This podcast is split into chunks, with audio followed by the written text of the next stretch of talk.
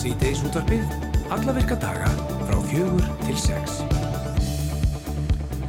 Og það er Andri Freyr Viðarsson og Hrafnildur Haldarsdóttir sem ætla að vera með okkur í dag til klukkan 6. Þann 8. mars og hverja ári er haldið upp á henni alþjóðlega barata kvenna, uppalega snýru kröfu kvenna að kostningarétti og samstöðu verka kvenna en í dag hefur hvert ár sitt þema. Og þemaði ár er riðjum brautina. Starfsfólk uh, samtakana stígamót eru væntalega búin að uh, minnast dagsins í dag og hjá þeim er sérstakku dag því þau eru að flytja sér um sett og verða framvegist til húsa að höfða bakka nýju. Og Drífa Snædal er talskona stígamóta, við ætlum að sláða þráðan til hennar. Í kvöld mæta strákarnir okkar tjekkum í undankefni EM Karla í handbalta. Einar Örn Jónsson, íþróttafrættamæður, hann kemur til okkur eftir og ætlar að fara yfir stuðun á liðinu og mikilvægi leiksins. Já, og í marsmániði stendur yfir árverkni og fjáröflunir átaki Mottumars og í morgun tók fórsett Íslands á móti fyrsta parinu af Mottumars sokkunum en eins og kunnt er þá er þetta átak tilengað krabbaminni hjá Körlum.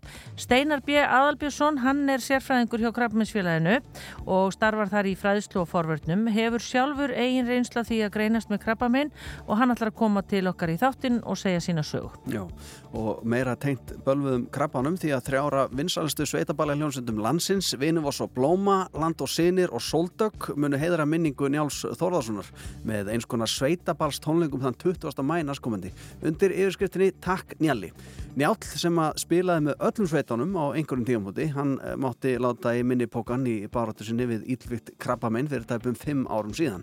Reymur Örn Heimisson og Bergsveit Arlíðarsson, þeir ætla að koma til okkur eftir og, og segja okkur nána frá tónleikunum og, og ja, segja nokkra góða sögur að Njál er Já, og svo er það Þóraldur Þóraldsson, hann fagnar þess að myndir merkilegum tímamótum því fyrir 20 árum þá var hann plataði til þess að vera með uppistand á ásatíði vinnunni.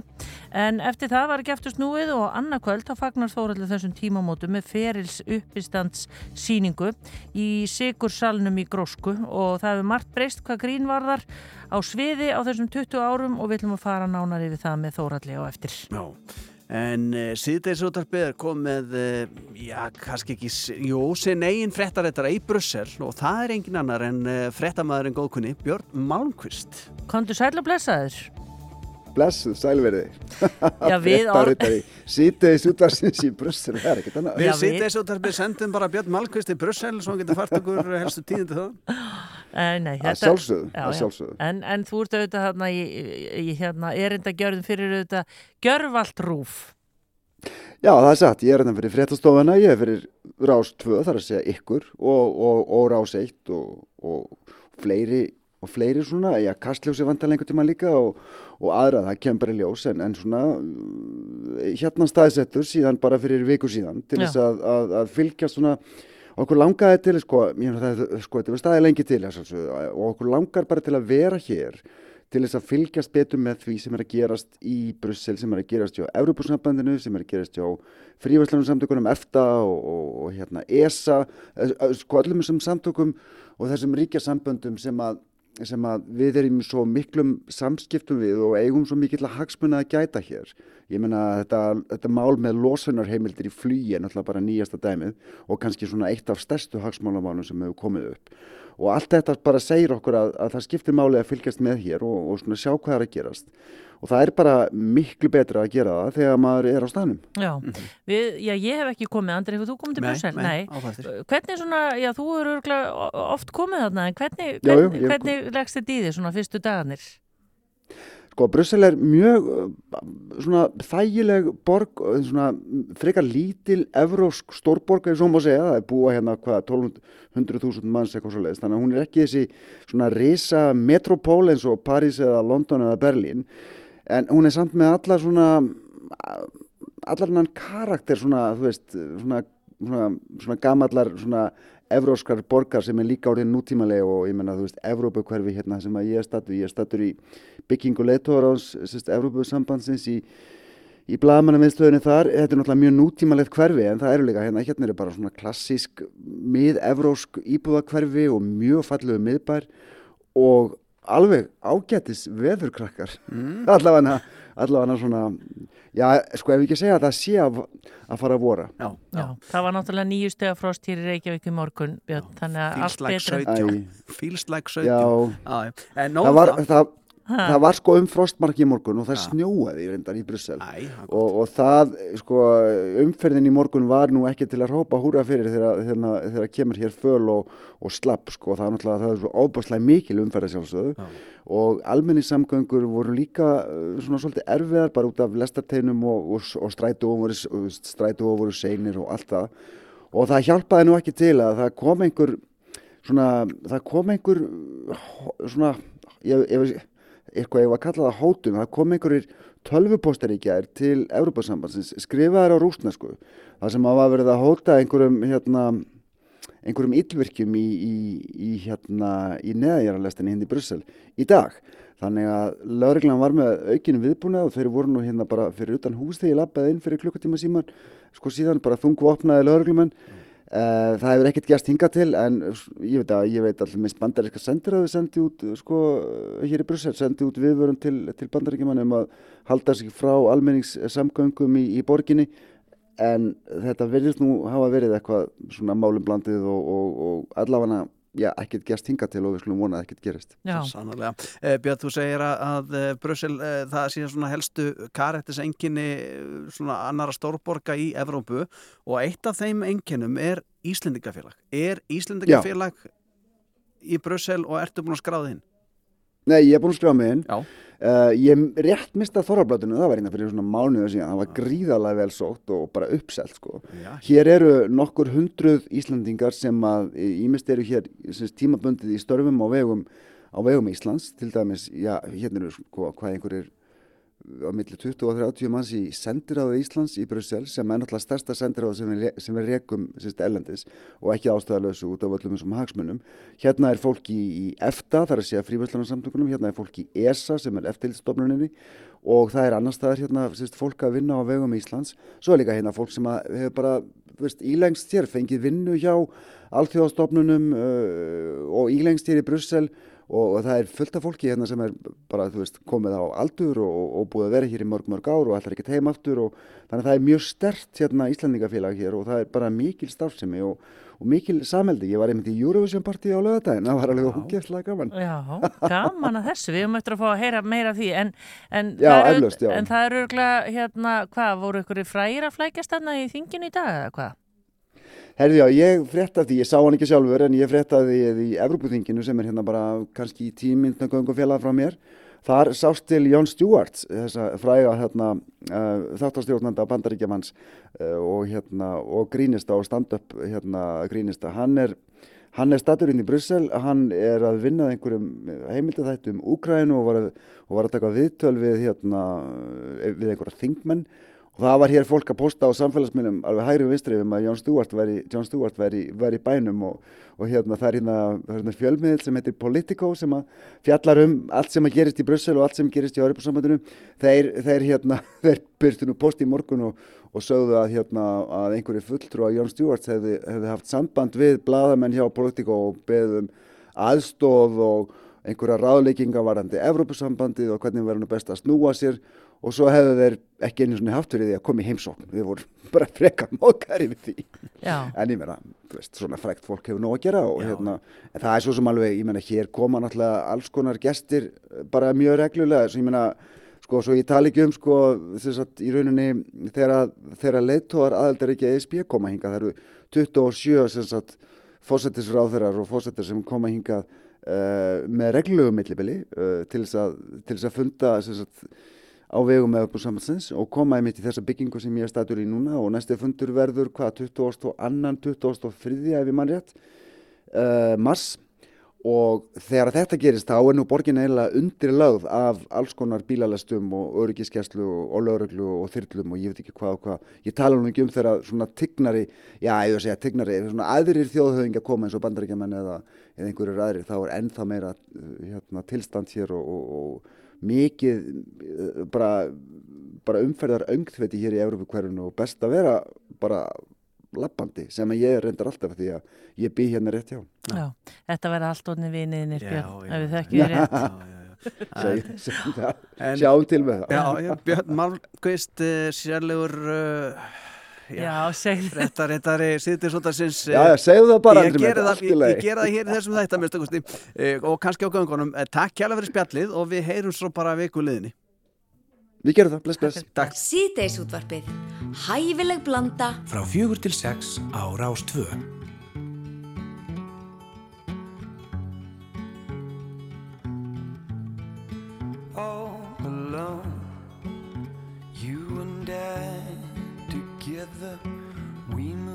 find new home. Crazy dreams follow through whenever we strive against the streams. Bring out the gold laces.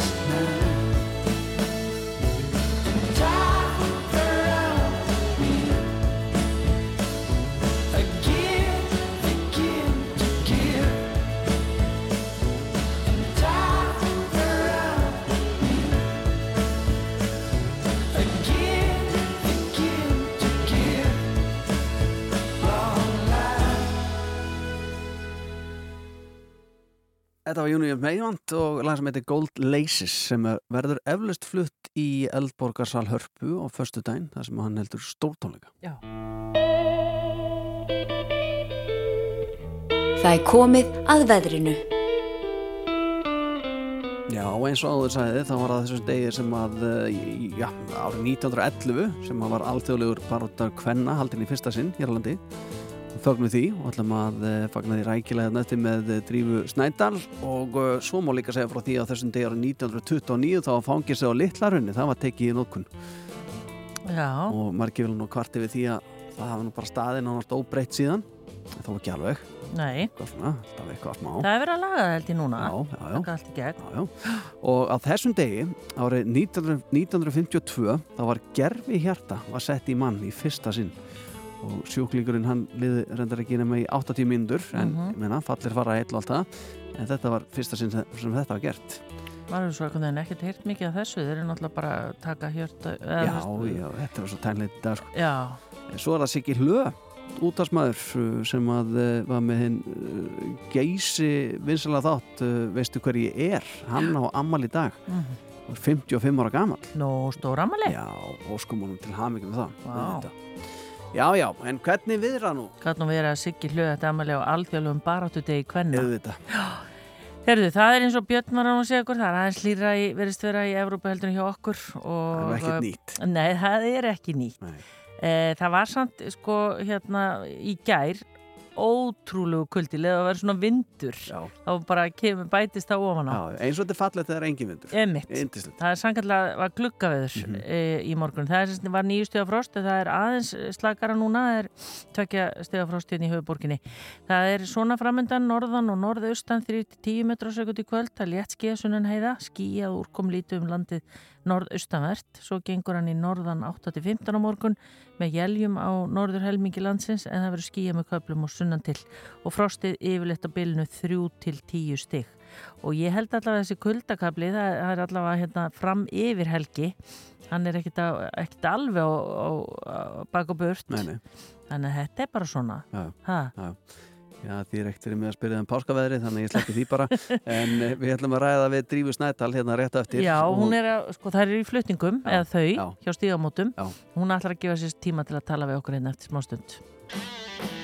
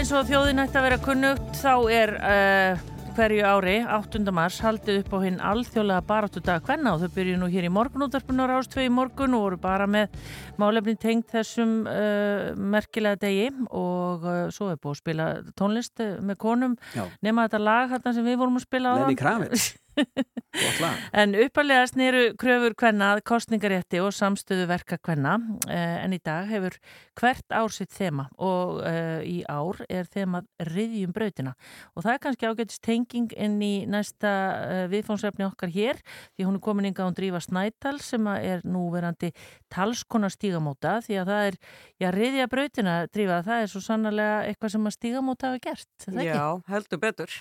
Uh, Stígamóta eiga amal í dag. Já, það er einmitt í dag. Já, var stopnað 8. mars 1990 uh, og síðan hafa stígamót unnið uh, bæði af því að, að hjálpa þólendum kynfyrirsbrot að vinna úr afleðingu þess og svo verið mjög uh, aktív, aktívar uh, pólitíst, uh, þrýst á um breytingar, opna umræðina af því ég, sko, 1990 það er ekkit mikið lengra síðan en að sko það var bara algjör þöggur nánast í samfélaginu um kynferðisbrot Já.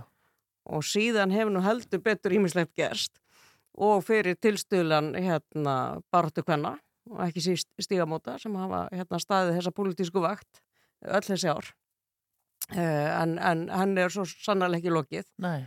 Og við sjáum það líka svona í kjölfarið á MeToo-byltingu og þegar umræðin vex svona mikið að þá fjölgar hjá stígamótum uh, og svo núna hérna erum við svona fókusera bæði vera með ráðgjöf og ekki síst uh, fókusera á unga fólkið Mhm. uh, sem getur nú átt í miklu merfileikum með samskipti og mörg og samþykki og svo framvegis Uh, því að við lifum í breyttum heimi það er bara hérna internetið og stafrænt ofbeldi getur verið hérna mjög greimt uh, við erum í miðri tilrunastar sem um að útsetta ung börn fyrir klámi á internetinu og, og hérna erum að sjá svona hvaða aflengar það hefur þegar börn getur ekki að svona valið sér frá þessu. Þetta er bara þetta, þessu er þrýst upp á þau sem gefur mjög svona skakka mynd af samskiptum.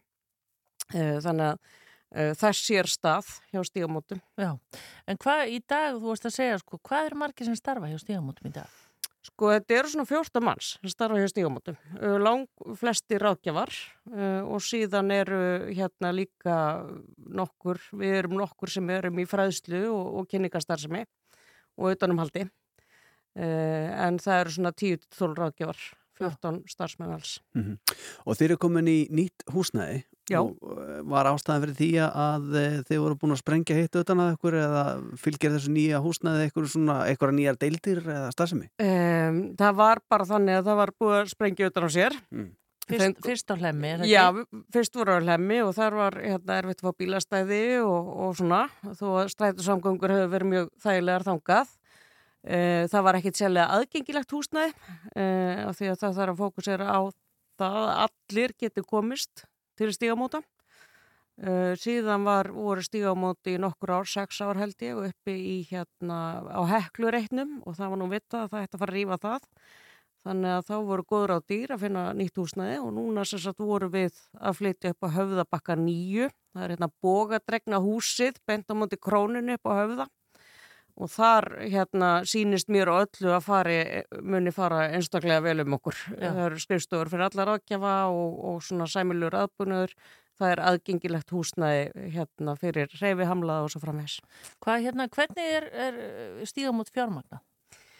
Uh, við erum á fjárlögum uh, en hins vegar þessi sko aukning sem hefur verið síðustu ár. Uh, við höfum þurft að standa í því að, að reyna fjármagna það sjálf og það hefur verið fjármagna með styrkjum, bæði frá einstaklingum uh, og við erum með alveg ótrúlega marga og góða bakhjarla uh, sem styðja við samtökin uh, og síðan styrki og við höfum fengið svona auka í ákveðin verkefni frá, ánötum uh, en svona grunnframlegið frá ríkisjóði hefur ekki hækkað um, en við þurfum að reyna að, já, við, við treystum á fyrirtæki, félagsamtök, einstaklinga uh, til þess að, að hérna, fjármagn okkur. En svo, svo allri sangindi sér gætt að þá hafa, hafa hérna Ímis ráðuniti líka lagt svona auka pening í ákveðin verkefni. Og þar verði ég helst að nefna sjúk, sjúkást og síðan sjúkt spjall, byrjum að það í marsi fyrra.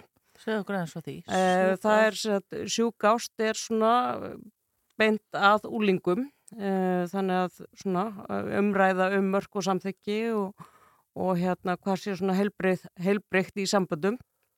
Eh, og það er sjúkást.is, hægt að fara þanga og taka sambandsprófið og svona máta sér svolítið inn í, inn í svona það sem eðlegt og, og gott er. Og síðan hófst sjúkt spjall í marsi fyrra þar sem ungt fólk getur algjörlega naflust og í trúnaði uh, komið inn á spjallarás þrjú kvöld í viku, mánda, þriðdag og mögda frá 8 til 10 og spjalla við ráðgjafa Mm. bara, og þa þar bara koma alls konar spurningar. Þannig að, og drífa við erum að tröfla þig því að það er bara núna, er það ekki bara opnunarpartí núna? og það er partí millir 5 og 7 og höfðu bokkar 9 opið hús og hérna og þá, þá svona það er líka verið að kveðja hana steinni sem ég er að taka við af. Hún er heldur, heldur betur búin að standa á vaktina. Eh, þannig að þessi umskipti á milli okkar er að eiga sér stað og, og svo bara hefur hérna skiptir það stíga mót máli að fólk máti sinn í húsnæðið og líði vel þar og, og hérna koma og kiki Já, ummitt það.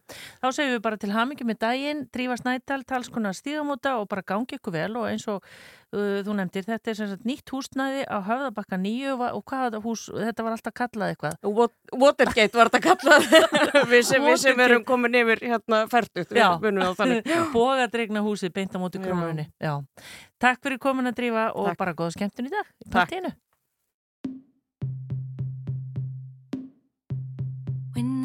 Night is still black and your heart is blue, when your eyes are still red, I will stand with you.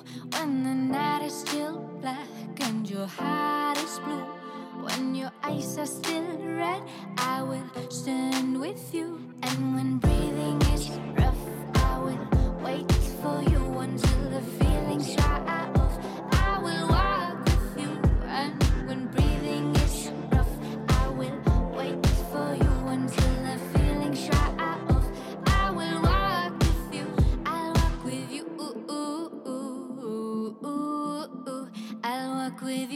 Ooh, ooh, ooh, ooh, ooh. I'll walk with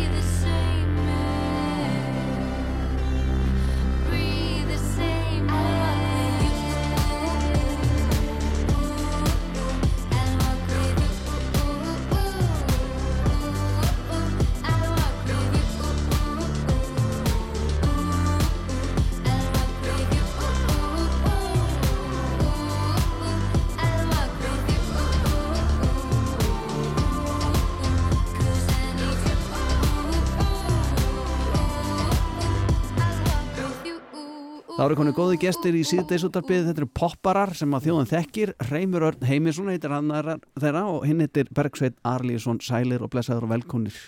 Sæll og blessaður og takk fyrir. Þið félagar ætlaði að tilkynna hérna Þið félagar ætlaði að tilkynna hérna hátíðarhöld og það á loksins að fara að halda almennlegt sveitaball e, á höfubrókarsæðinu og e, það er ekki ástæðalösu og byrja þér heimur, segð okkur eins og Já, það eru, í rauninni erum við að, hérna, að, að gera bara upp uh, gamla, gamla tíma og hérna um leið heiður okkar besta mann. Við skuldum honum þetta gig, að honum Njalla, Njáli Þóraðssoni hljómbólsleikara sem að leka á hljómból með öllum þessum þremur sveitum, Landi og Sónum, Sóldug og Vinni og svo Blóma.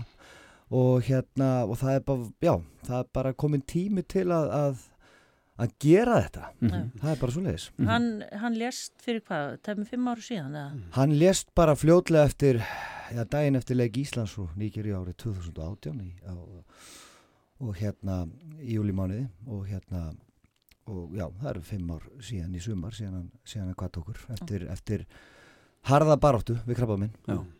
Sko, Land og Sinir, Vinum og svo blóma og Soldök, það var oftur talað um sko þegar að, sko, Metallica fer á, á tónleikaferðala með sínum bestu félögum úr, úr uh, thrash metal bransanum, þá var það kallaði Big Four.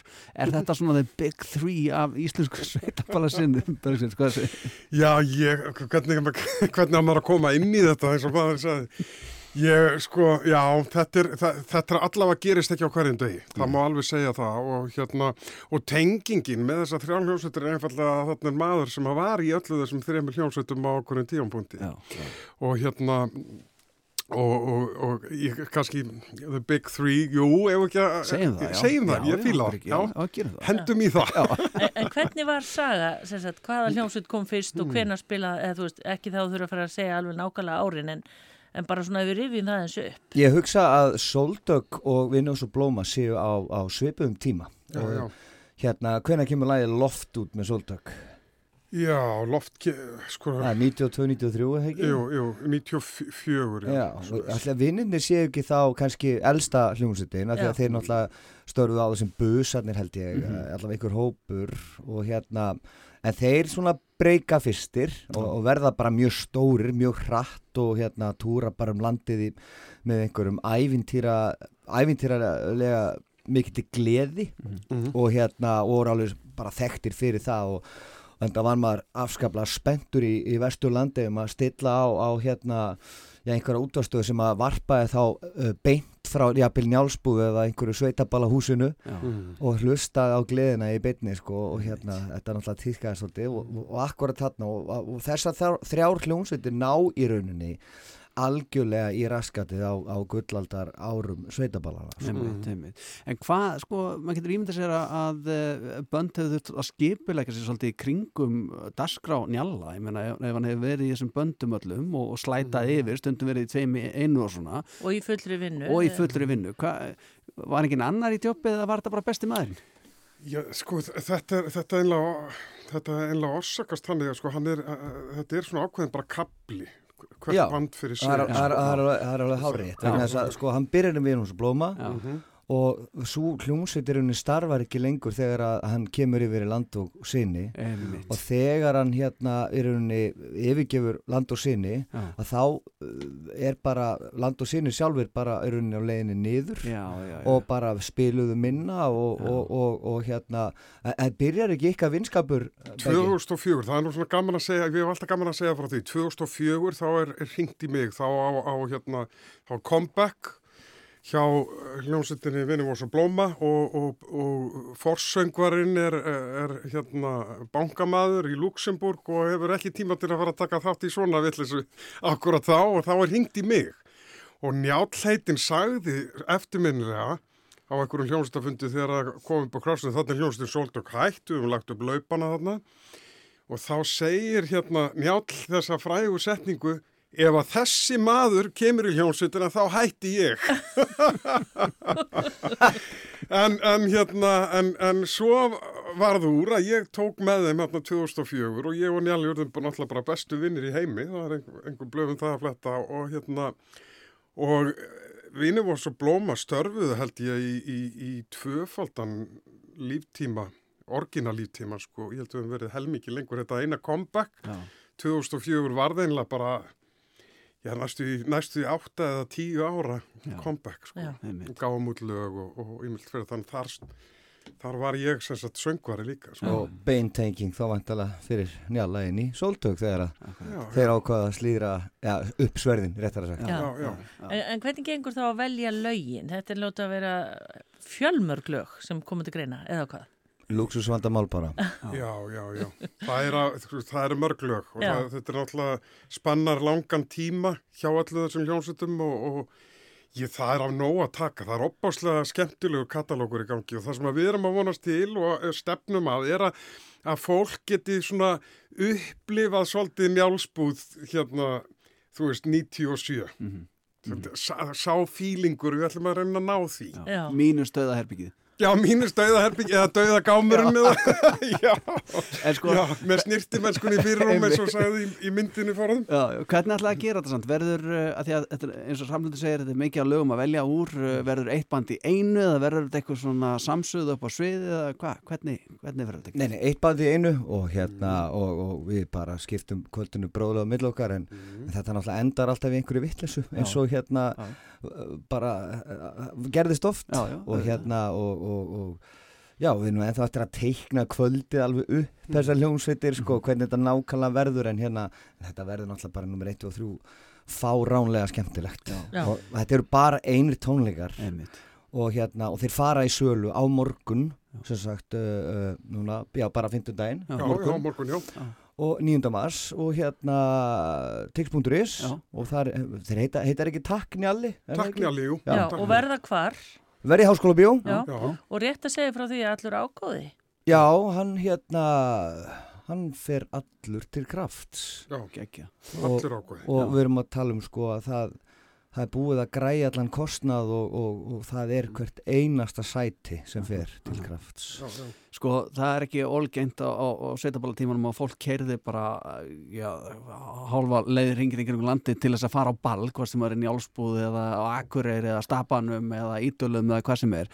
E, gerir ráð fyrir því að fólk sko vilji fara þessum tónleika, upplega gömlu góðu tímana og sumir að sjá eitthvað nýtt og margir sem að þurfa að leggja langa leið á sig til að komast á þetta e, ef þá ekki að segja hvenar tónleikanir eru 20. mæ 20. Já, maður, geggjað. Laugardagskvöldi 20. mæ. Já, Þetta er helgin eftir Eurovision. Nákvæmlega þetta er daginn fyrir ammali mitt Nó. Þannig að ég vakna bara í döðagamnum og fessa, og heim. Erum stakar, ég er komið þetta inn á það að spyrja svona hvaða lag ætti ég að spila með njálsbúð og þeir eru mjög fljótir að svara því. Þeir séu gott í kroppin með vinnum og svo blóma live. Af hverju er þessa útgáðu? Ég, mér finnst þessi útgáfa að fanga þessa stemningu sem að við erum að tala um hérna í dag. Já. Hún, hún fangar hann algjörlega og þess vegna vorum við alveg sp spotton bæði ég og Já. Reymur bara Já. bæng þetta Þetta er lag. líka bara að læja hans njala Já, og svo er þetta lagið að snjalla. Ég meina, hann samtið þetta lag og... Gekkja. Þannig að þetta verður tekið eh, 20. mæ í Háskóla þess að hefst á morgun á Tix. Tónleikarnir er þetta Takk Njalli, Reymur og, og Bersveit, takk kjærlega fyrir komuna. Takk fyrir Takk okkur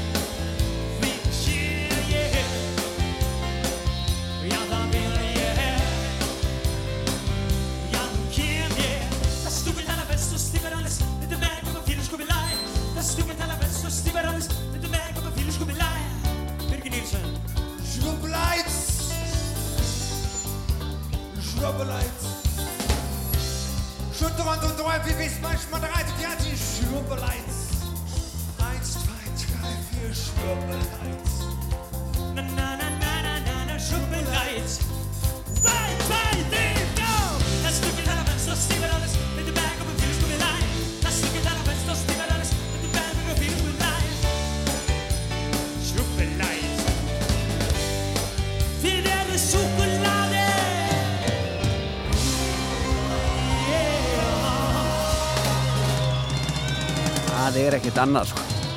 Hæ? Þetta er geggjastu. Þetta er vinnum og svo blóma og læða snjalla. Þetta er eh, gott í kroppin og þetta verður náttúrulega tekið í Hólsklubíu. Já. Það er bara slis. Sveitaballinu. Já, já, Mm. nákvæmlega. Það er nóframöndan í síðdeisúttarpinu en fréttastofan ætlar að fá að segja nokkur orð hérna rétt að Fyrst og fremst Með þér á Rástfö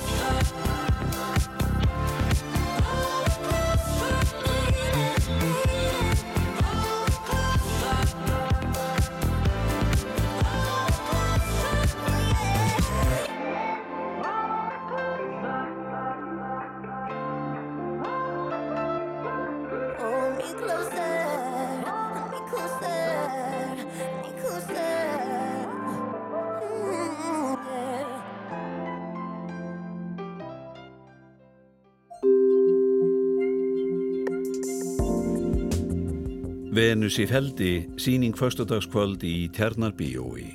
Smárétta veislur, smárétta veislur, soho.is. Sunnanvindur, eftirlætislög Íslandinga í Hofi Akureyri og í salnum Kópavogi í apríl, sunnanvindur. Kæru félagar, aðalfundur samtakana 78 verður haldin í Yðnó á föstudaginn klukkan 17. Hlökkum til að sjá ykkur, hýrar kveðjur, samtökin 78.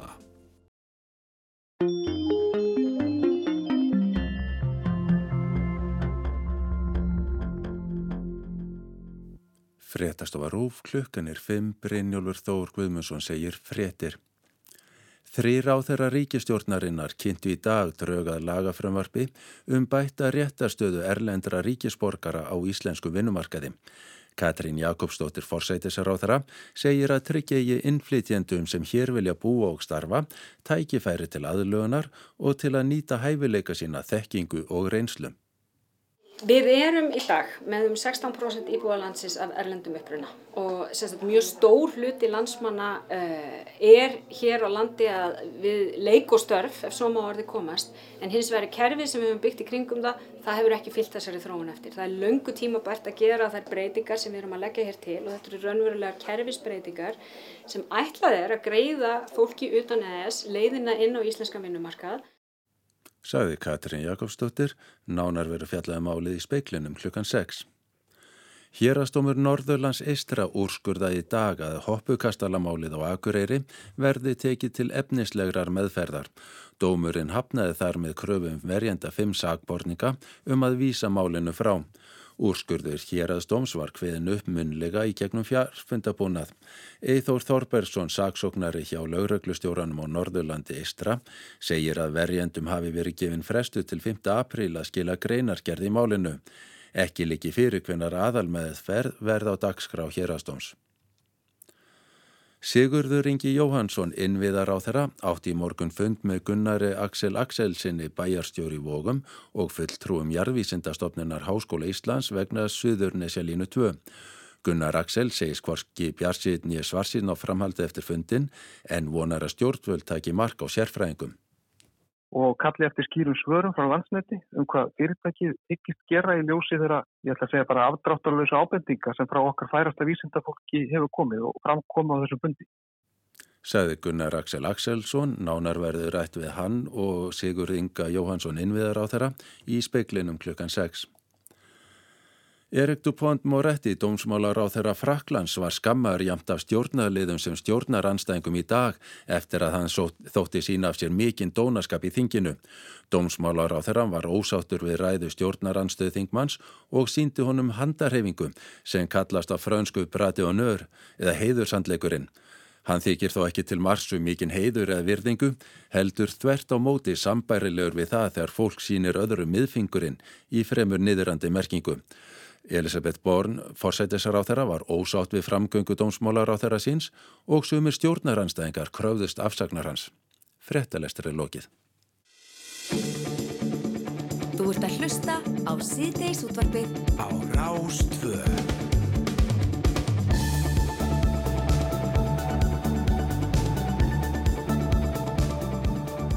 Í marsmánuði stendur yfir árverkni og fjáröflunar átakið Mottu Mars og í morgun tók fósitt Íslands á móti fyrsta parinu af Mottu Mars sokkunum og en eins og kunnugt er þá er þetta átak tilenga krabbamenni hjá Körlum. Steinar B. Albjörnsson, hann er sérfræðingu hjá Krabbamennsfélaginu, starfar þar í fræðslu og forvörnum en Steinar hefur einnig sjálfur einslu af því að greinast með krabbamenn og hann er hinga komin. Velkomin. Takk fyrir eigum við kannski áður um við tölum um sokkana og komst nú með hérna sínist par hérna fyrir okkur að, og svona hvar fólk getur nálgast það og átækið í heilsinni að heyra aðeins að stutta þína sögu því hérna eins og ég segi þína reynslu sögu því að hafa greinst með krabbamenn Já, ég skal gerna segja ykkur það. Þannig maður vexti að árið 2000 að þá, þá eh, greinist ég með krabbamenn en það átti sér mjög langan aðdraganda.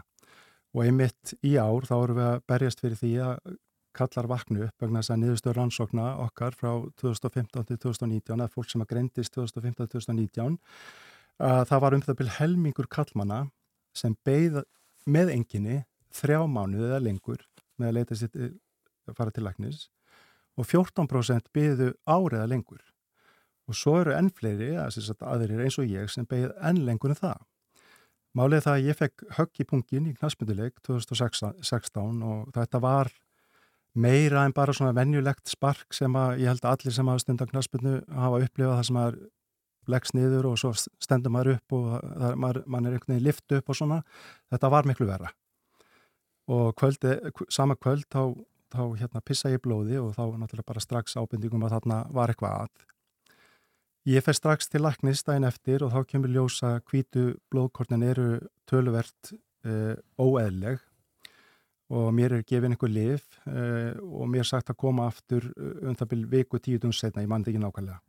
Sem ég geri og þá kemur í ljós að hlutinir eru orðnir tölvert betri en þeir voru viku fyrr en samt ekki alveg innan marka og mér var sagt að koma aftur eftir eina viku ef að enginin væri ekki farin. Og það í mínum huga er eiginlega dálítið hættulegt að segja við kallmann en þess að hann kemur ekki aftur. Hann reynir að finna e, ástæðu til þess að leitja sér ekki aðstór og fara til læknis og nú tala ég náttúrulega fyrst og síðast fyrir, fyrir e, mig sjálfan og svona gekk þetta í vel á femta ár, réttur umlega fjögur ár, þar sem að ég var með enginni og það voru allar vísbendingar til staðar um að það væri eitthvað að. Það var, ef ég var í gallabjóksum, þá fann ég fyrir þessu, ef, ef ég settist niður á harðan ójafnan stól, þá fann ég fyrir þessu, kynlífi var skrítið og svo smátt og smátt mótast einhver hattur á istanu sem að, sem að, veist, undir öllum eðlum kringustafum hefði þetta að vera Eh, rauð bjalla fyrir mig að leita mér aðstofar en nei, ég gerði það ekki. Og það var ekki fyrir en ég settist eh, í februar 2000, árið 2000 og sest ég niður í sófa heima og sprett upp og taldi örugt að dóttu mín sem að þá var uh, um þryggja hálsáskömmul að hún hefði skilið eitthvað eftir í sófanum. En þetta var bara eista að kalla og þarna var síðast ákallið að ég þurfti nú að fara að kann eitthvað. En þetta var bara máli, ég beigð þarna öll þessi ár með allan þennan sásöka uh, með all, öll þessi óþægindi að þetta náttúrulega, þú veist eins og ég sagði á hann, kynliði var einkennlegt konan fann fyrir þessu uh, þetta var stundum bara hreinlega vond þegar hún var að snerta með þetta niðri og svo framvegis. Mm -hmm. en ég er mikið búin að pæla þessu í, í þessi 23 ár og, og ég held að þetta að veri einhvers konar bland hræðsla og það að ég nefndi þessu ekki. Þetta var vesen, skiljiði. Veist, þetta hliti bara að fara. Já ég veit að þetta fer og sem það náttúrulega gerði ekki og, og, og síðan bara þegar þetta gerist í sestata niður og sprettu upp að þá lóksins kom einhver svona kjarkur í mig að, að það væri nú líklega betra að kann þetta að því að alltaf vesen sem þú væri að kalla yfir fjölskyldunum þeina með því að viðkenna að það væri vandamál, það væri öruglega minna heldur neðum myndi degja. Mm -hmm. Þannig að ég fer til lagni strax og þetta var semst út í bandarækjunum og fekk tíma bara daginn eftir. Ég var síðan komin daginn eftir til annað sérfræðings þar sem að ég var skoðar miklu betur og omskoðar og kemur í ljós að það er þarna einhver, einhver núður eða hattur á istanu sem að ég vissi mæta vel en sá hann á myndum og læknirinn sagði að hérna, hann hafi séð svona áður og, og þetta væri borleikindi krabbamein eh, og hann mælti með því að ég myndi taka í stað. Eh, ég var ekki að kaupa það en þá ég ákveðin svona vantrú að það væri eitthvað að en ákvað leita mér aðstór fór og fekk annað álit og þriði álit. Og það vil svo til að þriði álit, áliti sem ég fekk var hjá góðu manni, doktor Lorenz Einhorn sem var krabbaminslæknir Lance Armstrongs hérna á sínu tíma. Og þótti, þótti merkilegt þá en kannski ekki svo mikið í dag. En ég ringdi hann og, og, og hérna blessunlega náði ég í gegn. Og hann saði bara steinum inn þú veist, þú ert með tvö eistu þú þart bara eitt, láttu taka það og það voru ekki liðnar já, einu hálf vika cirka bát, þá var allt bara farið. Búið að taka eistað, ég komin heim og var að jafna mig en þá náttúrulega tók ákveðin byggð þarna í kjölfærið eftir, þú veist, var þetta krabba minn í raun og veru, það tók einhvern tíma að greina það og svo tók náttúrulega tíma að greina hvert þetta væri búið að drefa sér, þannig að þetta var svona rú, rússibanni hilt yfir í svona tvær-þrjár vikur. En þegar ég hugsaði tilbaka þá, þá var, var það náttúrulega bara eiginlega stjórnlaust vittlust hjá mér að, gera ekkert í þessu.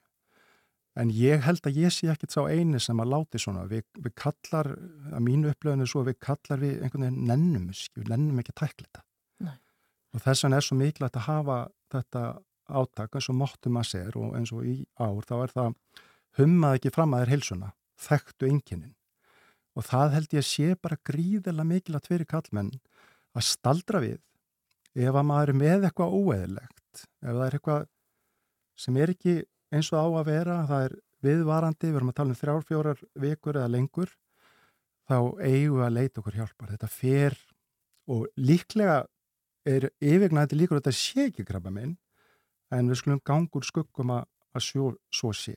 Já. Auðveldar að láta tjekka á þessu heldur en að fá í raun og veru krabbamun. Já, í raun og veru, ég seti hér og sé að spjalla við ykkur, það er eiginlega bara, það er í raun og veru ekki góð saga, Nei, að þið pælaðin síðan, þetta er ekki, hefur ekki forvarnagildi af því ég beigð og slag, Já. en í sjálfu sér er sagan þá góð að ég skuli setja henni yfir höfuð, sko, í staðan fyrir að vera ekki steindöðu grafin eitthvað stort í Já, bandarækjum. þú ert í rauninni steinar ótrúlega heppin að Ótrúlega hafa þó gengið með þetta svona lengi og það náðu ekki að dreifa sér. Já, algjörlega.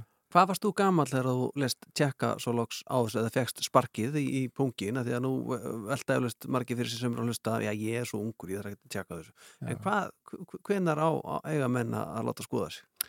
Sko, krabbamenn er uh, sjúkdómur uh, eldri hóps uh, en það eru ákveðin krabbamenn þarna sem að, sem að eins og í tilfelli kalla, eins og eista krabbamenn sem er algengasta krabbamennið hjá köllum 20 og pluss 20-40 ára og ég var þarna 26 ára. Mhm. þegar að þetta í rauninu fæ höggi þannig að ég var að segja að krabbamenni hafi verið að þróast á þessum fjóru árum þannig að einhverstað millir 26 og, og, og 30 ára.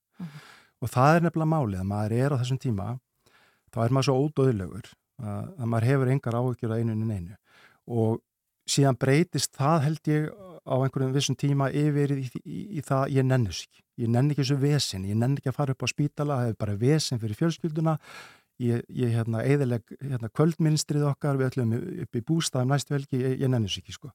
það er allan að mínu upplifun og inn í þessu gæti eins og var hjá mér gæti verið þessi hræðsla það er eitthvað að Já. Og ég nenni ekki, ég nenni ekki þessu vesin Þetta er náttúrulega líka kannski bla, smá blanda af afnettun. Já, auðvitað, Já. engi spurning Já.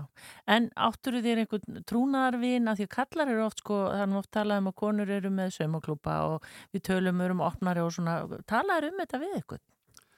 Nei, raun og veru ekki og ég bjó náttúrulega þarna með konunni minni og, og einu batni og batni á leiðinni út í bandarkjörnum og á þessum tíma var náttúrulega neti með allt örum hætti en það er í dag þannig að stópult samband við fjölskyldu þannig að þetta, þetta var rosalega erfitt.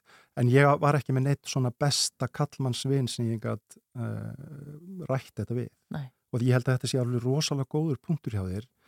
Og ég, veistu það, ég vil meina það eins og ég kalla hópnum mínum umræðan okkar efnistökin þau er að breytast. Já. við kallar erum farnir að tala meir um þetta, um þessi mál sem við vildum ekki tala um áður eins og bara til þessi risvandamál. Um, ég, ég held það, Já. ég held við séum á réttir leið með þetta Já. Uh, það er hérna, eins og segir, þetta átaki í fullum gangi og þessi sokkar og svona, allt hjálpar þetta steinar. Heldur þú bara rétt hérna ára við skoðum sokkana að uh, þú hefði verið í dag opnari af því að bara við erum alltaf að heyra, það er móttumars og það er hérna tölum, verum opinn og, og allt þetta, það er svo margt gerst og breyst. Já, ég held það að, að hérna umræðin í dag er komin á allt annan stað. Auðvitað náttúrulega eigum við tölvert í land við, við kallmenn að tala um við hvað máli en ég held við séum að réttri leið. Og ég, skal, ég, ég bara hvet alla kallmenn sem er að hlusta á þetta ekki geim þetta hjá ykkur sjálfur talið um þetta. Já.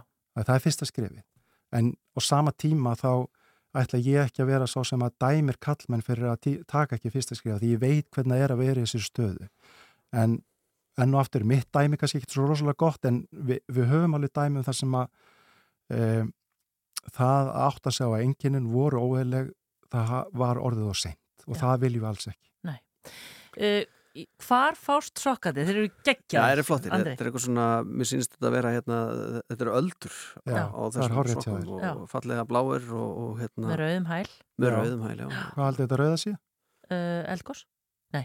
krafa minn Já, kannski. Að gíska. Já, þetta er baujan sem að vísar okkur veginn út á hafi. Já. Og þetta er til þess að beina okkur í átt að hilsun okkar. Hugsum um hilsuna. Mér finnst þetta, þessi sokkar alveg æðislega. Þeir eru geggjaðir. Unni í samstarfið 66 gráða norður. Já. Og hérna segir maður þetta ekki að hverju ári að að þeir hafa aldrei verið jafn, vel hefnaðir eins og núna. Ég bara tek undir það sko. Þú mátt eiga þetta. Ó, Ha? Já, það við verður að fara í styrkja- núna. Já, við leggjum inn á förum- við krabbameinsfélagið. kaupum mér aðra, ég kaupi Já, mér aðra. En hvar fást þeir? Þeir fást bara út um allt og það væri nú of langt mál að tala upp, Já.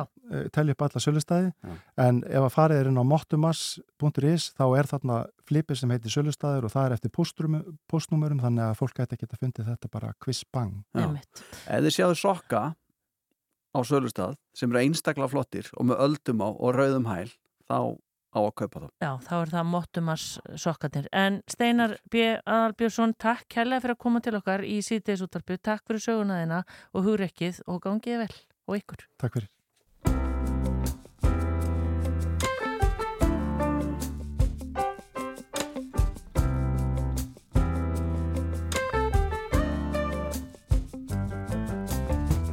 Slip sliding through the day to day, nothing on my mind, I was in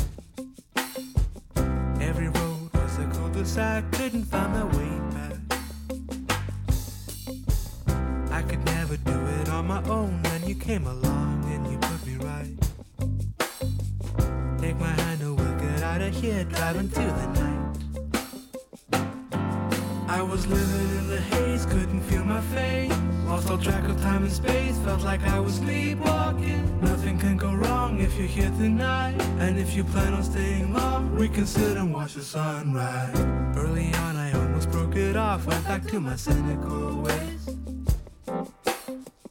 Those days without the sight of you left me with malaise. Those thoughts will never cross my mind. Promise that I won't make the same mistake. Same mistake. I swear that it's the honest truth, cause I know the stakes. Couldn't keep my head above the waterline. Lost all track of space and time, felt like I was sleepwalking.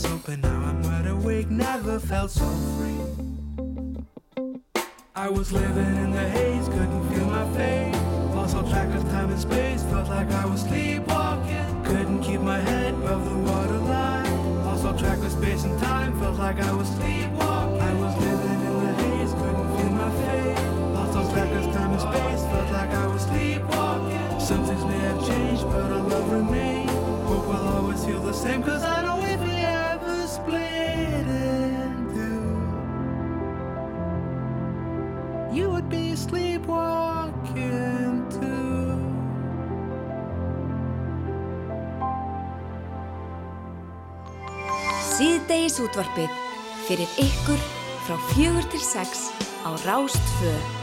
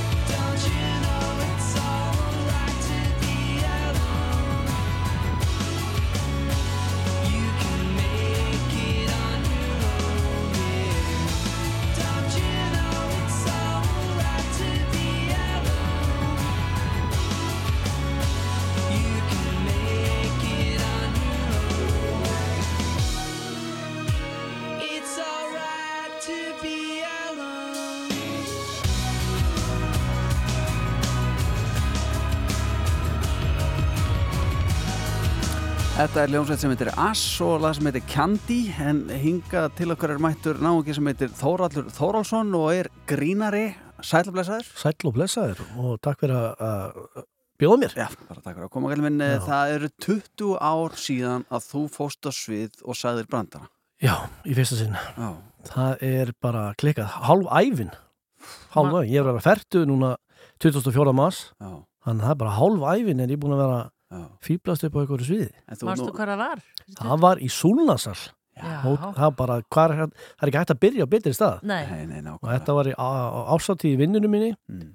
og ég var bara neittu til að gera þetta. Já. Það var ekkit hvort að ég vildi eða ekki, það var bara, þú ert ekkit að vinna hérna, þú ert bara fýblast. Þannig að þú getur allavega að koma upp á svið og, og glatt okkur þannig, sko.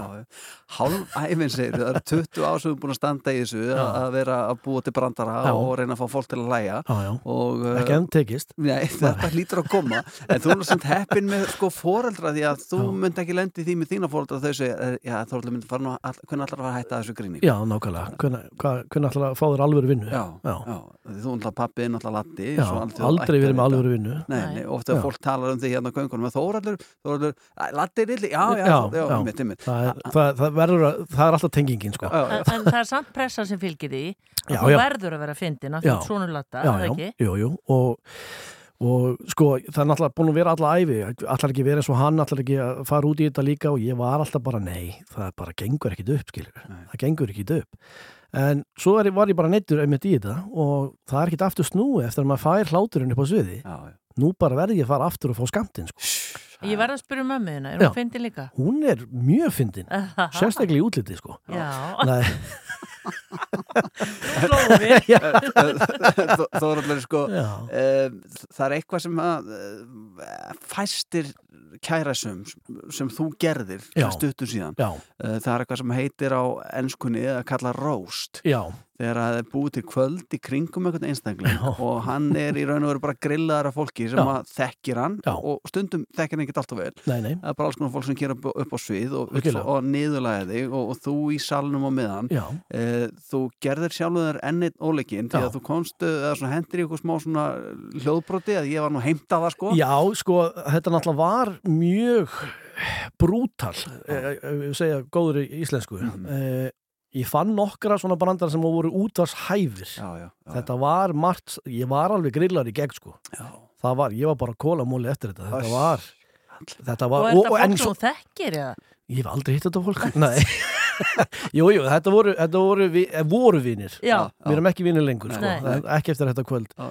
En ég fekk líka að vera vondur, sko, við þau í lokin. Ja, akkurat. Þannig að ég þurfti að sitja yfir sem, sem fúgirðum og, og, og, og leiðindum og svo fekk ég að svara fyrir mér. Varstu þá bara eh, upp í pontið á sviði bara Já, ég var bara í- tári, ég- bara, já, þú sjálf, það sem þú segir að þú bara sjálfur það Já, bara speil Já, Já það var mjög gott. Eh, Við skulum heyra smá brota af þessu grilli sem að eh, Þóraldur uh, bauð upp á fyrir rúmlega viku síðan. Nei, afsakið, þetta er ekki það það, var ekki það var ekki það var, það var ekki svona, það var Nei. svona Þórallur er að fagna núna í ár 20 ára uppistarsamari. Já. Fyrstum tíu árin þá vann hann fyrndarsmaður Íslands. Hann var með þætti á RÚF, FM 957. Hann var með þætti á sjónvarpi, hann var í kvikmyndum. Sendum tíu árin uh, þá var hann búinn að vera fullur í miðbæð Reykjavíkur. Að vera með uppistönd fyrir túrista og Íslendinga sem hafa séð efni hans aðeins svo oft. Ég veit að sumir segja að það sé langt á milli hans og pappans, en það er svolítið ekki það mikill munur. Pappin, hann gerði sold out show í borgarleikusinu, sér Latti 60. Þú gerir síningar sem heitir Þóratur 60 manns. Þetta er anstíkilegt Þetta er mjög anstekilegt Já. En ég, hann hefði getið verið leðilegur og sett bara sex manns Já. En hann, hann gaf mér 60 manns Hefur þið lendið því að vera með sex manns? Það hefur alveg gerst, sko Já, já. Og ég vona að gerist ekki á morgun Ég er með sjó á morgun Já, einmitt, þú með 20 rammarsýningun á morgun Já. Og hvar fer hún fram? Sigur salnum Þetta er það sem að vera mathullir Og Sigur salun er sér hannaður fyrir uppistand Þannig ég er mjög spenntur að- flytja uppistand, uh, uppistand þar. Og ég er að taka þetta upp Já. Þannig að, að ég er mjög spenntur Já. Aðeins að hérna, hvað hefur breyst á þessum 20 árum? Meina, hvað, hérna, er ekki allt öðru að gera þetta í dag? Þetta er það er sko nokkra- miklu meiri að miklu meira í gangi og miklu meiri í gangi heldur en fólk gerir sér grein fyrir Eh, það er alveg bara þetta er alveg sena uppistand sena og hún er náttúrulega mjög mikið fyrir túristana það er, ég er mikið að gera þetta á ennsku nýri bæ ég er þrjú kvöld í, í viku er ég hérna, með, með sjó má- mál og menningu. Já, já. það er alltaf ennsku það er bara fyrir túristana og svo eru, já, það eru alveg bara fjögur, fimm fjóra, fimm síningar í miðbæði Reykjavíkur í hverju viku uh, sem að eru, já, flestar á ennsku og svo er bara já, það er alveg miklu meira að gera. Þegar ég var að byrja fyrst, þá var það voru kannski tvö, þrjú kvöld á ári Já. sem voru eitthvað uppistand og, og ma, ma, það var engin staðu til að vera með uppistand. Þú, þú varst bara hliðin á einhverjum, þú veist, bara barnum á einhverjum stað með einhvern svona hljóðnema sem að virkaði valla sko og, og, og þú gast flutt efnið þitt einu sinni af því það voru þeir sem hefðu áhuga uppistandi þeir komu á sýninguna já, já, já. og svo voru þeir bara búin að sjá þetta og þá bara, ok, prófum aftur eftir sex mánu þannig að núna er þetta bara miklu meira um að vera og miklu fleiri konur í þetta þannig að þetta er allt annað umhverfi sko. Hvernig voru, já, hvernig var, hverju voru aðrir í þessu fyrir 20 árum síðan? Þetta eru Jón Gnar og Pétur Jóhann. Já, já, ég meina, sko, það sem að var eina í gangi var keppnin finnast maður Íslands. Hún byrja 98 já. Og hún var náttúrulega bara einu svona ári þannig að það, það var ekkit mikið meir en, en það. það Jón Gunnar með sína síningu, Pétur kemur hann inn og svo voru svona bara nokkrir, þú veist, í þessu. Það var bara rosalega já. fáir og lítið. Þetta var mikið bara svona kannski ykkur leikarar já. prófa að vera með uppistandið eða eitthvað. Þannig að það var enginn kannski svona alveg e, bara á fullu í þessu bara uppistandi sko. En, en svona í gríninu sjálfu þú, það, á þessum 20 árum Já. þú gætir kannski ekki verið með best of síningu og tekið eitthvað sem þú varst með uppásárum Sko- eða hvað, er þetta orðið meira jærsmengursvæði eða? Þetta er náttúrulega þú þarf að vera aðeins bara nærgætnari kannski en ég hef alltaf verið svo heppin að ég gerir mest grína sjálfum mér Mhm. þannig að ég gæti nú alveg tekið mjög gamla brandara Uh, og, og því ég er aðalega að gera grína sjálfum mér og hérna, ég verð ekkert fúll út í mig eh, mikið, Nei, nei. Ég, ég verð ekkert sár Þú fljótur að fyrirgefa þér. Já, ég er mjög fljótur að fyrirgefa mér en það, jú, jú, það er náttúrulega kannski bara aðeins öðru uh, uh, hérna, hvað þú getur gert grín að en þótti ég hef alltaf verið talsmaður þess að þú mátt gera grín að öllu sko Mhm. en þú þarft líka bara að vera tilbúin að þá að, að heyra gaggrínuna Já. og eh, það að megi allir hafa skoðun á á hvað er fyndið og hvað ekki. Það er náttúrulega e, það er engin með saman smekk. Nei, nei. Ég dáist alltaf að þessu hvernig þetta er hægt. Ertu með alveg handrið, ertu búin að æfa þig alveg eða er þetta bara svona sko, eftir því sem ég er búin að gera þetta lengur því minna er ég með uh, svona, þetta alveg skrifa niður uh, ég er alltaf með svona beinangrind og núna leiði ég mig bara að svolítið spila eftir eiranu hvernig stemningin er í salnum? Er eitthvað, er eitthvað með skrítin hlátur? Er, er eitthvað, þú veist, ofdrukkin í salnum, er eitthvað uh, stundum að fólk að grípa fram í og þá er eitthvað samskipti þar, skilur Það bendar að alkálism er sjúkdómur eða það er ekki að grína fólk Já, ég afsaka alla þá sem að hefur drikkjavandamál að að, hérna, Nei, nei, þú veist þannig að, að já, það ég, ég leifi mér aðeins að að bulla meira núna. Já, svona improvisera svolítið. Já, ég er bara orðin miklu öryggar í, í þessu sem ég er gera og búin að gera þetta miklu lengur og meira reynslu þannig að ég, ég hérna uh, já, leifi mér það meira. Er þetta fullt ertu í Sko þetta og svo er ég svo, í leiðsugu mennsku. Ég er hérna, ég er að leita norðurljósum á kvöldin. Já, ég er og það er er, er alveg líka grín þar sko. Já. ég þarf að vera að fyndin ég, þegar maður er að keira og, og sérstaklega maður finnur engin norðurljós með fulla rútu á, reynir að bara svona fólki með tárin í augunum. Ég er bara að koma allar leiðinu frá Ástralíu einu sem ég vildi sjá maður Ég skal allan segja þér brandar.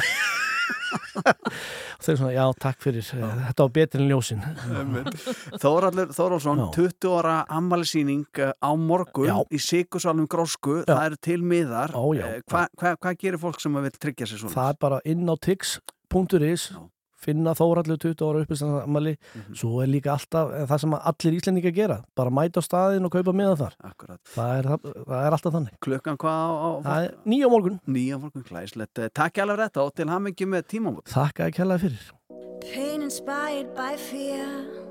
Don't kid yourself. Life doesn't have a safety net. If only we could be be strangers again. We've reached the end of the trail. The reason of everything is tomorrow isn't promised. Life is a dangerous field of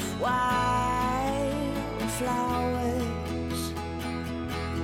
How does it feel to hurt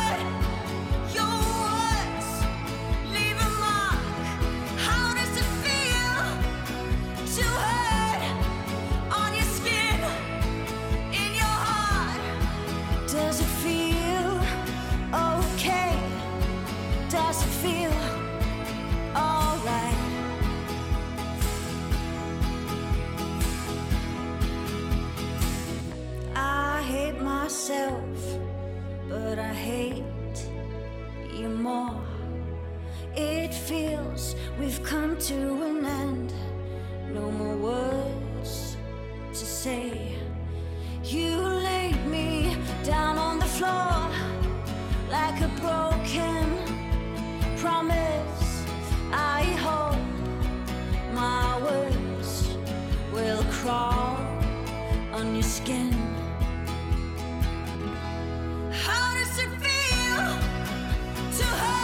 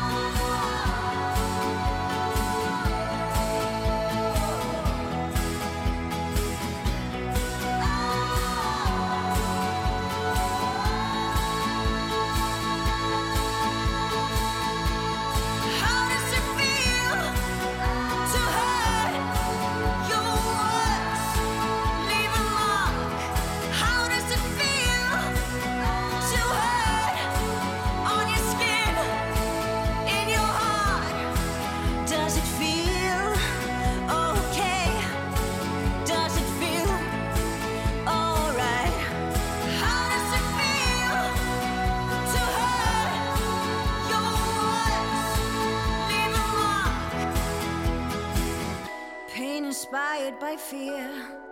Don't kid yourself. Life is a dangerous field of wild flowers. Síðdeis útvarpið. Stóru og litlu málin. Frá fjögur til sex á Rástvö.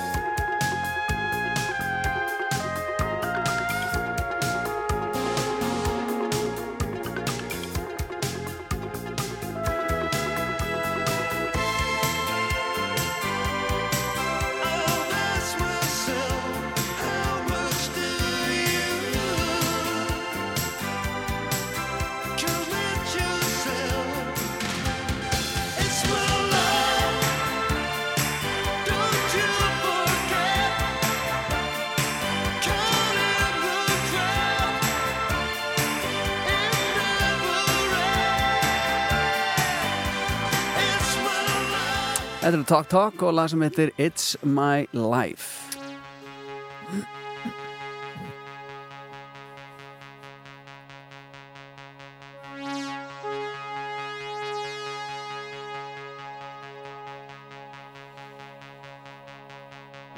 Já, það er leikur í kvöld hjá strákunum okkar í handbóltanum Ísland-Tjekkland og uh, já, það eru margir sem veltaði fyrir sig hvernig staðan er á íslenska liðinu og mikilvægi leiksins Já. hvert er mikilvægi leiksins og við erum með hárréttan aðalega hérna til að fræða okkur um þetta allt saman hann er Einar Örn og Jónsson Sælublesaður, velkominn Takk fyrir það Hvað segir okkur af liðin okkar? Hvernig er staðan á hófnum? Hver stýrir skútunni? Hvað er að gerast? Hvernig er morall? Já, nú er náttúrulega engin, engin gummi gum lengur þannig að aðstöða þjálfarnir tóku við Gunnar Magnússon og Ágúst Þór Jóhansson og stýra íslenska liðin út þessu undankeppni og það er náttúrulega stórmót á hverju ári í handbóltana þannig að þessi undankeppni var byrjuð áður en við fórum og spiliðum síðan á HM í janúar.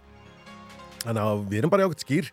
Ómar Ingi er, er, er meittur sem er ekki gott en þess utan erum við bara með allar okkar okkar helstu stjörnur í, í þessum leik og, og, og menn kannski aðeins ég vil segja svona eh, særtýr eftir, eftir HM þeir eru óanaði með hvernig þetta enda allt saman þar og, og vilja held ég sína tjekkonum að við séum betri en 12. sæti á, á HM segi til Akkurat, særtýr er oft hættulegust Já, það er sko svo gerir maður aldrei neina úttekt á því hvort að særtýr í íþróttaskilningi séu raun og veru hættulegust lið sem að tapar síðasta leik mætir sem særtýr svo kannski tapa þér bara aftur. Ekki, ekki þess En ekki, ekki íslenska, nei, Nei, það nei, er nei, bara svona almennt, Já, almennt. En- það er svo, góðu frasi að grípa í sko, já, þessir mæta núna alveg því að dýrið. töpuðu illa síðast og svo tapaði bara aftur. Já. En einar, hvaða, hvaða leikur er þetta og hvað, hvaða máli skiptir þetta? Eh, Þetta er undankefni EM og við erum í riðli með Tjekkum, Íslandi og Ísæl búin að spila við Ísland og Ísæl og völduðum yfir þá í haust. Og Tjekkar eru svona hitliðið í þessum riðli sem að er gott ásand okkur og ef við vinnum í dag þá er sætið á EM eh, 98% klárt. En við þurfum að vinna Tjekka eh, í þessum innbyrðisleikjum og móta þeim núna og svo í höllinni á sunnudaginn til að tryggja okkur sigur í riðlinum. Og það er eiginlega stóra málið í þessar undakeppni kallanarslið handbólt er ekkert að keppast við að komast á stórmótin þeir að keppast við að vera í efsta styrkleikaflokki á stórmótunum. Mhm. og ef við erum í efsta styrkleikaflokki þegar að verður dreigið síðan á EM þá erum við að fá líkur í hlutarnins eðli þá erum við að fá þægilegri anstæðinga í riðlinum á EM Já. sem er rosa mikilvægt upp á það að enda sem hæst á EM og í baráttinu um, um olimpíusæti þannig að þetta er svona keðja af uh, hlutum sem að velta núna áfram að við þurfum að vinna tjekkaran til að vinna riðilinn. Ef við vinnum riðilinn erum við eftir styrkleika flokki á uh, mótinu sjálfu þegar verður dreigið á mótið og þá losnum við við allar hinar sterkustu þjóðirnar sem við viljum vera að bera okkur saman við í undanriðlinum á, á EM Er þetta eða riðlinum sjálfum á Já. EM Er þetta EM sem verður í Þýskalandi? EM í Þýskalandi í janúar og verður stórt þjóðverjar bara kunni ekki að gera neitt annað en stórmót glæsila. Við spilum í München, München valdi okkur sem, sem þjóð til að spila í München. Þannig að lönguðarinn undankemni byrjaði var búið að ákveða að riðill Íslands verður spilaður í, í München. Í janúar 2024? Janúar 2024, já. Við hljóttum að vera að fara þanga. Já, við erum alltaf að fara. Já. Ég minn, Það er bara, það er engin umræðinu um það að okkur mistakist eitthvað að komast á, á Nei, mótið. nei, Það er alveg, nei. alveg klárt. Þetta er baróttan um að vinna riðilinn og verða í efsta styrkleika flokki þegar það er dreigið á móti. Eh, Tjekkanir, eh, laskað lið, eh, veslingar á bekknum, eh, hva- hvernig, hvernig lít... Særður. Já, já, Nei, það sko, tjekkar eru, eru fínir. Þetta er gott lið. Eh, Þeir voru hins vegar ekki með á HM núna, þeir náðu ekki að komast inn á HM. Þeir voru í eh, 15. sæti á síðasta Evropumóti og hafa verið inn og út af þessum stórmótum síðust ár. Eiga ekki mikið af uh, stjörnum í sínliði. Þeir eru með Tómas Mörkva sem er varamarkaður Kíl í Þýskalandi sem er eitthvað að allavega vera að spila hjá Kíl. En hann er, hann er alveg klár varamarkmaður þar fyrir besta markmann í, í heimið. Að hann spila bara þegar landin ennið ekki. Já. Annars er þetta bara, þú veist, þetta eru bara góðir spilarar í fínum liðum. Já.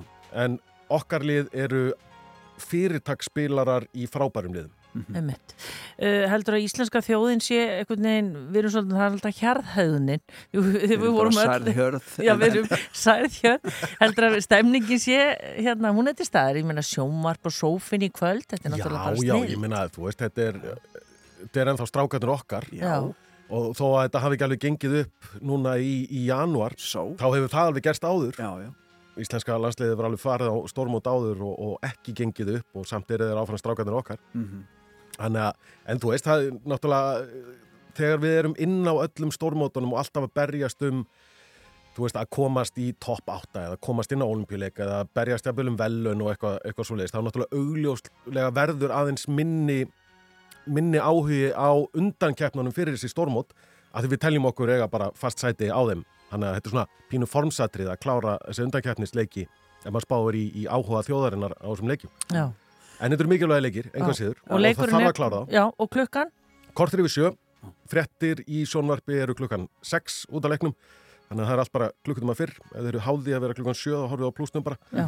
en frettir klukkan 6, upphittin fyrir leikin byrjar 18.35, ekkert kastljós og leikurinn svo 19.15. Veistla. Við segjum áfram Ísland og þakka þið kjallaði fyrir þetta einar Takk og, þú segir okkur betur frá þessum leik uh, þegar hann er í sjónvarpunum Já, þá tek ég við. Til að heyra þið þar. Uh, Hér er komið að hljómsveiti þetta er hljómsveitin Jaguar. Þetta er ekkert sært dýr og One of Us heitir þetta. If so, then you must sing our song. If you don't, we just can't get along. Come on, lads, I'll be friends, sing along.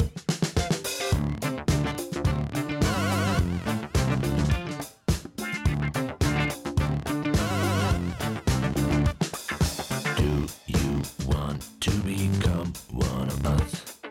If so, then you must sing our song. If you don't, we just can't baby.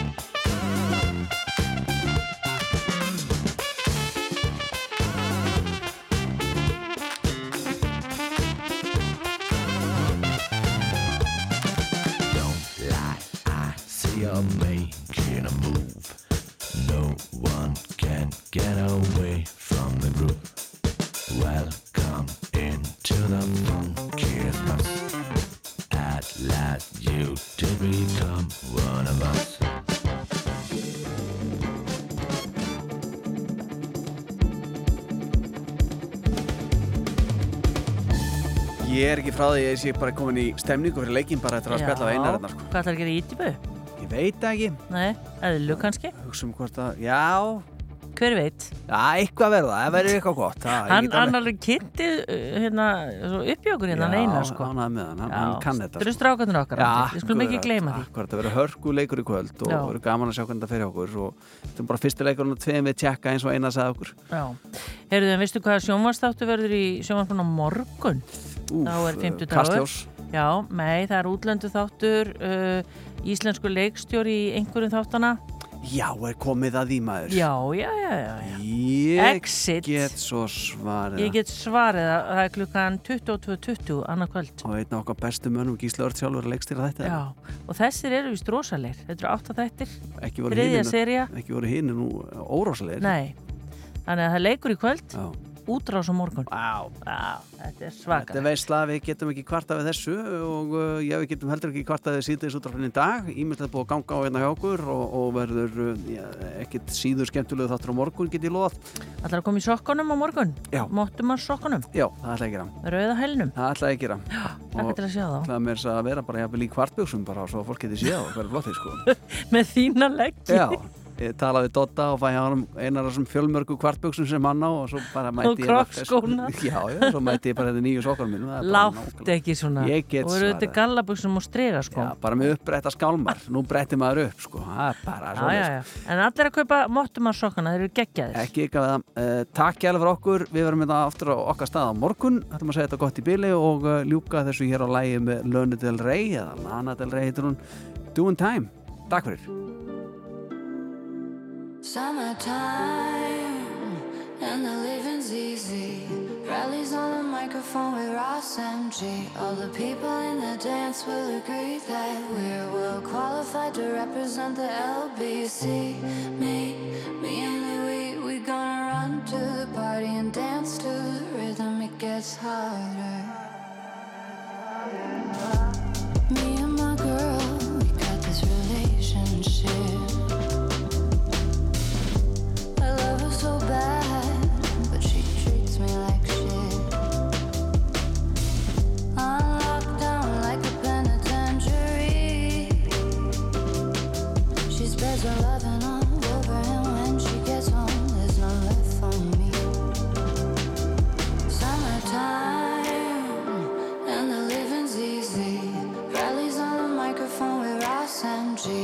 people